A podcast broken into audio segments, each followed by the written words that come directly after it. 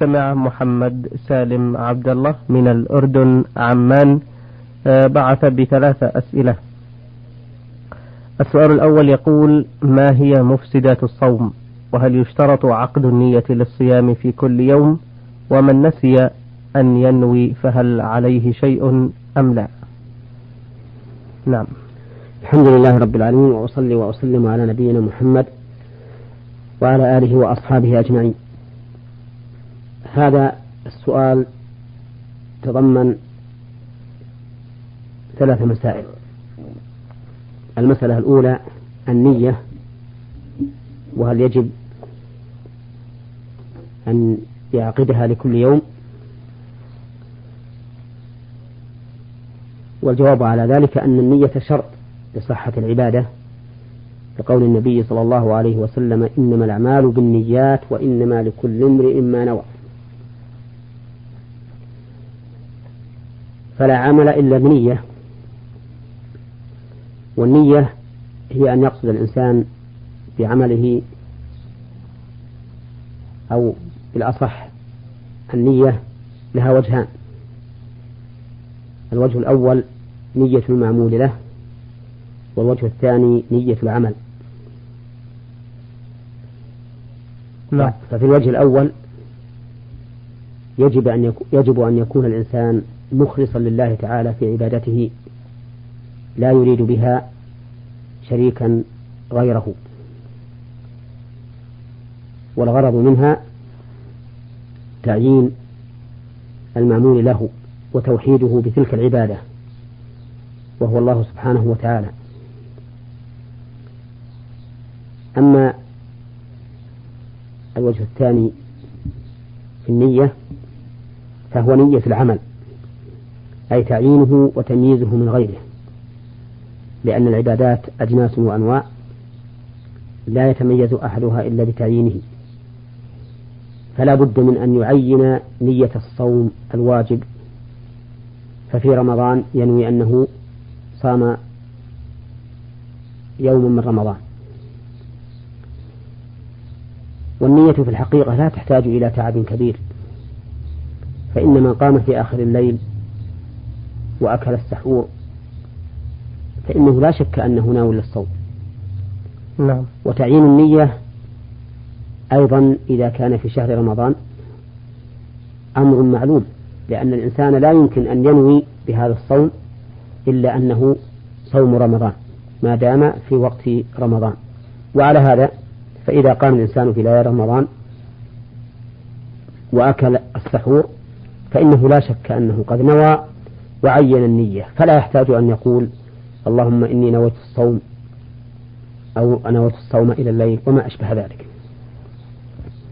ولكن هل يجب في رمضان أن يعين النية لكل يوم؟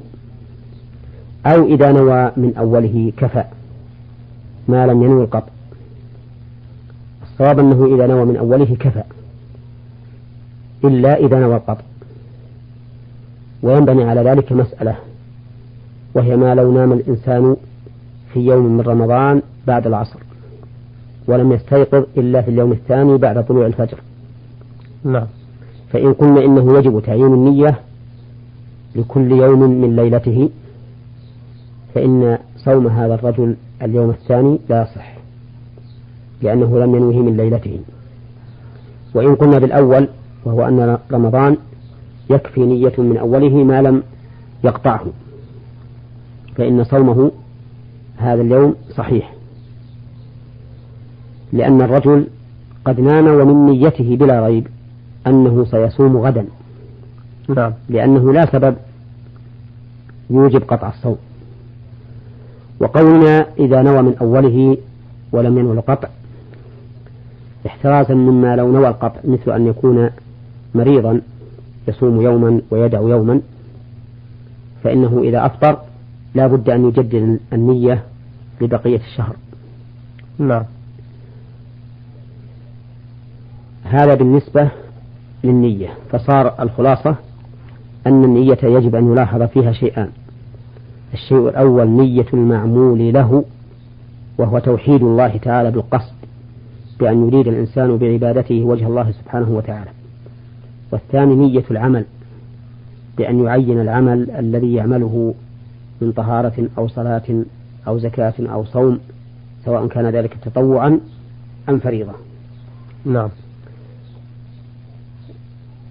والسؤال السؤال الثاني يقول ما هي المسألة الثانية؟ مفسدات الصوم. نعم. مفسدات الصوم ذكر الله في القرآن منها ثلاثة وهي الأكل والشرب والجماع. فقال تعالى فالآن باشروهن وابتغوا ما كتب الله لكم وكلوا واشربوا حتى يتبين لكم الخيط الأبيض من الخيط الأسود من الفجر ثم أتموا الصيام إلى الليل. نعم. فهذه ثلاث مفطرات. أولا الجماع والثاني الأكل والثالث الشرب. والأكل شامل لكل مأكول. سواء كان نافعا أم ضارا وسواء كان حراما أم حلالا. وكذلك الشرب شامل لكل مشروب سواء كان نافعا أم ضارا وسواء كان حراما أم مباحا. كله يفطر لعدم الاستثناء فيه. نعم. الرابع إنزال المني بشهوة بمباشرة أو معالجة حتى ينزل. فإنه يكون مفطرا. وهو وإن لم يكن داخلا في قوله فالآن باشرهن فإن قوله تبارك وتعالى في الحديث القدسي في الصائم يقول يدع طعامه وشرابه وشهوته من أجلي. فإن الشهوة تتناول الإنزال بشهوة. وقد أطلق النبي صلى الله عليه وسلم على المني أنه شهوة حيث قال وفي بضع أحدكم صدقة؟ قالوا يا رسول الله أيأتي أحدنا شهوته ويكون له فيها أجر؟ قال أرأيتم لو وضعها في حرام أكان عليه وزر فكذلك إذا وضعها في حلال كان له أجر. نعم. الأمر الخامس من مفسدات الصوم ما كان بمعنى الأكل والشرب وهو الإبر المغذية التي يستغني بها متناولها عن الطعام والشراب. وذلك أنها وإن لم تكن داخلة في الأكل والشرب فإنها بمعنى الأكل والشرب لاستغناء الجسم بها عن ذلك. فأما الإبر التي لا يستغنى بها عن الأكل والشرب فليست بمفطرة سواء تناولها الإنسان في الوريد أو تناولها في العضلات حتى لو, لو وجد طعمها في حلقه لأنها ليست أكلا ولا شربا ولا بمعنى الأكل والشرب فلا تكون مفطرة بأي حال من الأحوال. إذا لم تكن مغذية. إذا لم تكن مستغنى بها عن الأكل. عن الأكل والشرب. نعم. الأمر السادس من من مفسدات الصوم القيء عمدا. يعني إذا تعمد الإنسان القيء حتى خرج فإنه يفطر بذلك. لحديث أبي هريرة من درعه القيء فلا قضاء عليه ومن استقاء عمدا فليقضي. الأمر السابع إخراج الدم بالحجامة. فإذا احتجم الإنسان فإنه يفطر لقول النبي صلى الله عليه وسلم أفطر الحاجم والمحجوم. والحكمة من إفطار الصائم بالقيء وبالحجامة هو أنه إذا قاء أو احتجم لحقه من الضعف. ما يوجب أن يكون محتاجا إلى الأكل والشرب. ويكون الصوم شاقا عليه ولكن مع ذلك إذا استقاء عمدا أو احتجم عمدا في رمضان بدون عذر فإنه لا يجوز له أن يأكل ويشرب ما دام في نهار رمضان لأنه أفطر بغير عذر. أما لو كان لعذر فإنه إذا قاء أو احتجم يجوز له الأكل والشرب لأنه أفطر بعذر.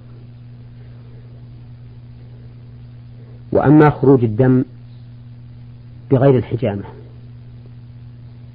مثل أن يخرج منه رعاف أو يقلع سنه أو غرسه فيخرج منه دم فإن هذا لا شيء عليه فيه ولا يفطر به لأنه ليس بمعنى الحجامة وليس حجامة وهو يخرج منه أيضا بغير اختياره. كالرعاف وكذلك لا يفطر بإخراج الدم للاختبار. مثل أن يؤخذ منه دم ليفحص. فإنه لا لا يفطر بذلك. لأن هذا دم قليل ولا يؤثر تأثير الحجامة على الجسم. وإذا كان للتبرع. فلا, فلا يكون مفطرا. نعم. أما إذا أخذ منه دم للتبرع لشخص مريض. نعم. فهذا إن كان الدم يسيرا لا يؤثر تأثير الحجامة لم يفطر به. وإن كان الدم كثيرا يؤثر على البدن تأثير الحجامة فإنه يفطر بذلك. وعلى هذا فإذا كان صيامه واجبا فإنه لا يجوز أن يتبرع لشخص حال صيامه. لأنه يلزم منه أن يفطر في الصوم الواجب والفطر في الصوم الواجب محرم إلا لعذر. نعم. نعم لو فرض أن هذا المريض معرض للتلف وأنه لو انتظر به غروب الشمس لو انتظر به غروب الشمس لهلك وقال الأطباء إنه ينتفع بدم هذا الصائم فإنه في هذه الحال يفطر ويتبرأ بدمه. لأنه أفطر لإنقاذ معصوم والفطر لإنقاذ المعصوم جائز مباح. ولهذا أذن للمرأة المرضع إذا خافت نقص اللبن على ولدها أذن لها أن تفطر. وكذلك الحامل. نعم. وكذلك الحامل إذا خافت على ولدها أذن لها أن تفطر. ومن أفطر فعليه القضاء. فقط. إذا كان لعذر. نعم. عليه القضاء فقط. نعم. و بقي أن يقال ما تقولون في الكحل والسعور في الأنف والقطرة في الأذن أو في العين. فنقول أما القطرة في الأذن أو في العين فإنها لا تفطر. مطلقا لأن ذلك ليس أكلا ولا شربا ولا بمعنى الأكل والشرب وليس من المنافذ المعتادة التي تصل إلى المعدة عن طريق العين أو الأذن. وأما الأنف فإنه إذا وصل إلى جوفه شيء منه من طريق الأنف يفطر بذلك. ولهذا قال النبي عليه الصلاة والسلام للقيط بن صبرة بالغ في الاستنشاق إلا أن تصوم إلا أن تكون صائما. ومن مفسدات الصوم خروج دم الحيض والنفاس بالنسبة للمرأة فإذا خرج منها دم الحيض أو دم النفاس وهي صائمة بطل صومها. والعبرة بالخروج لا بالإحساس به دون أن يخرج. فلو فرض أن امرأة أحست بدم الحيض قبيل غروب الشمس ولكن لم يخرج إلا بعد أن غربت الشمس فصومها صحيح. نعم. وقد كان بعض النساء يظن أن المرأة إذا رأت الحيض قبل أن تصلي المغرب ولو بعد الغروب فإن صومها ذلك اليوم لا يصح وهذا لا أصل له. فالمعتبر خروج الدم إن خرج قبل الغروب فسد الصوم وإن لم يخرج إلا بعده فالصوم صحيح. وليعلم أن هذه المفطرات المفسدات الصوم لا تفسده إلا بشروط ثلاثة. الشرط الأول أن يكون عالما والشرط الثاني أن يكون ذاكرا والشرط الثالث أن يكون مختارا. فإن كان جاهلا لم يفسد صومه. مثل أن يأكل يظن أن الفجر لم يطلع فيتبين أنه طالع. أو أن الشمس قد غربت فيتبين أنها لم تغرب فإن صومه لا يفسد بذلك. ودليله ما ثبت في صحيح البخاري عن أسماء بنت أبي بكر رضي الله عنها وعن أبيها قالت أفطرنا في يوم غيم في عهد النبي صلى الله عليه وسلم ثم طلعت الشمس ولم يؤمروا بالقضاء. وكذلك لو أكل أو شرب ناسيا أنه صائم فإنه لا قضاء عليه. لحديث أبي هريرة رضي الله عنه أن رسول الله صلى الله عليه وسلم قال من نسي وهو صائم فأكل أو شرب فليتم صومه فإنما أطعمه الله وسقاه. وكذلك لو أكره على شيء من المفطرات فإنه لا يفسد صومه بذلك لأن المكره غير مريد. ولهذا رفع الله حكم الكفر على من عمن أكره عليه. فقال من كفر بالله من بعد إيمانه إلا من أكره وقلبه مطمئن بالإيمان ولكن من شرح بالكفر صدرا فعليهم غضب من الله ولهم عذاب عظيم. وليعلم أن هذه المفطرات ليس فيها كفارة إلا شيء واحد وهو الجماع. فإن الإنسان إذا جامع زوجته وهو صائم في نهار رمضان وهو ممن يجب عليه الصوم وجب عليه الكفارة وهي عتق رقبة فإن لم يجد فصيام شهرين متتابعين فإن لم يستطع فإطعام ستين مسكينا. وانتبه لهذا الشروط أن يكون في, في نهار رمضان وهو ممن يجب عليه الصوم. فإن كان في غير رمضان فإنه لا كفارة عليه يفسد صومه ولكن لا كفارة عليه. وكذلك لو كان في نهار رمضان وهو ممن لا يجب عليه كما لو جامع زوجته وهو مسافر صائم فإنه لا كفارة عليه حينئذ لأن الصوم لا يجب عليه في هذه الحال. إذ يجوز له أن يفطر عمدا. نعم. آه، بالنسبة للجماع في نهاية رمضان ممن يجب عليه الصوم آه، هل تكون الكفارة على الزوجين؟ نعم تكون الكفارة على الزوجين إذا اختارت الزوجة. أما إذا أكرهت على هذا فإنه ليس عليها كفارة لأنها نعم. مكرهة. ولا يفسد صومها أيضا بذلك لكونها مكرهة. والكفارة على الترتيب عتق رقبة فإن لم يجد فصيام شهرين متتابعين فإن لم يستطع فإطعام ستين مسكينا. فلا يجوز الإطعام لمن كان قادرا على الصوم. نعم. وأما وأما المسألة الثالثة مما تضمنها السؤال فهي ما إذا نسي النية ونسيان النية لا أتصور أن يقع لأن الإنسان إذا أراد الصوم عادة فسوف يقوم في آخر الليل ويتسحر وبهذا يكون قد نوى الصوم. فأنا لا أتصور وش معنى النسيان. نعم. السؤال آه، الثاني يقول ما حكم صلاة التراويح وكم عدد ركعاتها؟ ومن حضر لصلاة العشاء ووجد الجماعة يصلون التراويح فهل يجوز أن ينضم إليهم بنية الفرض أم لا؟ نعم يجوز له أن ينضم إليهم بنية الفرض. فإذا أتى الإنسان إلى المسجد وهو لم يصلي الفرض ووجدهم يصلون صلاة التراويح فإنه يدخل معهم بنية الفرض. ولو كان الإمام ناويا التراويح لأن لكل امرئ ما نوى وعليه فإذا سلم الإمام من صلاة التراويح قام هذا فأتى بما بقي عليه من صلاة العشاء. وقد نص الإمام أحمد على جواز هذه المسألة. نعم. بارك الله فيكم. آه هذا السؤال من المستمع نميان السلمي من مكة المكرمة شرطة العاصمة.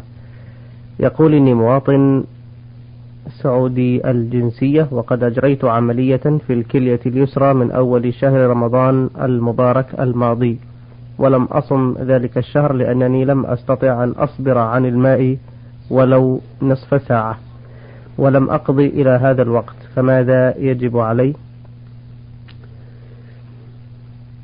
نقول لهذا الرجل الذي سوى عملية في كليته ولم يستطع الصوم إلى وقت كتابة سؤاله نقول له لا شيء عليك ما دمت عاجزا وإذا استمر معك هذا العجز وقال الأطباء إنه لا بد أن تتناول الماء في هذا الزمن القصير فإنه لا يجب عليك الصيام حيث يكون الغالب أن هذا سيستمر معك وعليك أن تطعم عن كل يوم مسكينا. نعم. آه هذا السؤال من الأخت السائلة عبيدة حصيني السلمي من جدة ضواحي الكامل. تقول هي سيدة مسنة مريضة ضعيفة يقف مرضها حائلا بينها وبين أداء فريضة الصوم ويزداد مرضها إن هي صامت حتى ولو نصف النهار وعلى هذا فهي تفطر الشهر كله ولا تستطيع القضاء. وقد تعدد ذلك لعدة سنوات. وتقول قدرتي المالية متواضعة. للغاية تجعلني لا أستطيع أداء كفارة الصوم مهما كانت. فماذا علي في ذلك بالنظر إلى حالتي المادية؟ أما بالنظر إلى الصوم فإنه لا يجب عليها الصوم لأنها من المعذورين عنه. وأما بالنسبة للإطعام فالإطعام أمر يسير. لأن الشهر كله يكفيه ستة آصع من الرز مع لحمها. لكل خمسة مساكين صاع من الرز مع لحمه. وهذا في ظني أنه ميسور لكل أحد والحمد لله في هذه البلاد. فإن كانت تستطيع ذلك فالواجب عليها أن تفعل. وإن لم تستطع وليس عندها شيء من المال إلى إلى هذا الحد القليل فإنه يسقط عنها. الإطعام أيضا. وذلك لأن الواجبات تسقط بالعجز. كقوله تعالى فاتقوا الله ما استطعتم. وقال وقول النبي عليه الصلاة والسلام إذا أمرتكم بأمر فأتوا منه ما استطعتم. وقوله تعالى لا يكلف الله نفسا إلا وسعها. نعم. سؤالها الثاني تقول حججت بيت الله الحرام ثلاث مرات وفي كل مرة لم أتمكن من طواف الوداع لأعذار شرعية وأسافر دون الطواف ولم أقدم فدية في حينه فهل حجي صحيح ومقبول أم لا؟ وهل يفرض الشرع علي شيئا الآن بعد فوات الوقت وما هو؟ نعم الحج من لم يطف طواف الوداع حجه صحيح لأن طواف الوداع منفصل عن الحج. ولهذا لا يجب على أهل مكة ولو كان من واجبات الحج الداخلة فيه لكان واجبا على أهل مكة لكنه واجب مستقل لكل من أراد الخروج من مكة من حاج أو معتمر. وإذا كان لهذه السائلة أعذار شرعية وهي الحيض فإن الحائض يسقط عنها طواف الوداع. كقول ابن عباس رضي الله عنهما أمر الناس أن يكون عهده آخر عهدهم بالبيت إلا أنه خفف عن الحائض. وعلى هذا فإن حجك صحيح فإن حجك صحيح وليس عليك شيء ما دام العذر عذرا شرعيا وهو الحيض لأنه مخفف عنك الأمر والحمد لله. جزاكم الله خيرا. آه هذا السؤال من المستمع فلاح إبراهيم الخزرجي من العراق ديالى يقول لي عم توفيت زوجته بعد أن خلف منها ولدا فتزوج بأخرى. وقد توفي عمي فتزوجت زوجته أي زوجة عمي فخلفت منها ولدا. وكان ابن عمي الذي من زوجته الأولى تزوج بامرأة غريبة ليست لها علاقة بنا فخلف بنتا. أي ابنة ابن عمي. فهل يجوز لابني أن يتزوج ابنة ابن عمي؟ نعم يجوز لابنك أن يتزوج ابنة ابن عمك. وذلك لأنه لا محرمية بينهما. فإن زوجة العم ليست هي أم والد البنت. حتى نقول إنه يكون بينهما رحم. ولا حرج في ذلك. جزاكم الله خيرا. آه أيها الإخوة الكرام في ختام هذا اللقاء نتوجه بشكرنا إلى الشيخ محمد بن صالح العثيمين المدرس بكلية الشريعة بجامعة الإمام محمد بن سعود الإسلامية بالقصيم وإمام وخطيب المسجد الجامع الكبير بعنيزة على إجابته آه، عن أسئلتكم في هذه الحلقة. وكانت الإجابة عن أسئلة الإخوة محمد سالم عبد الله من الأردن عمان والأخ نميان السلمي من مكة المكرمة شرطة العاصمة والسائلة عبيدة حسيني السلمي من جدة آه، ضواحي الكامل والأخ فلاح إبراهيم الخزرجي من العراق ديالا. أيها الإخوة الأعزاء نشكركم جزيل الشكر على حسن إصغائكم ومتابعتكم. وإلى أن نلقاكم في حلقة قادمة إن شاء الله. نترككم في حفظ الله ورعايته. والسلام عليكم ورحمة الله وبركاته. نور على الدرب. برنامج يومي يجيب فيه أصحاب الفضيلة العلماء على أسئلة المستمعين الدينية والاجتماعية. البرنامج من تقديم وتنفيذ أحمد عبد العزيز الغامدي.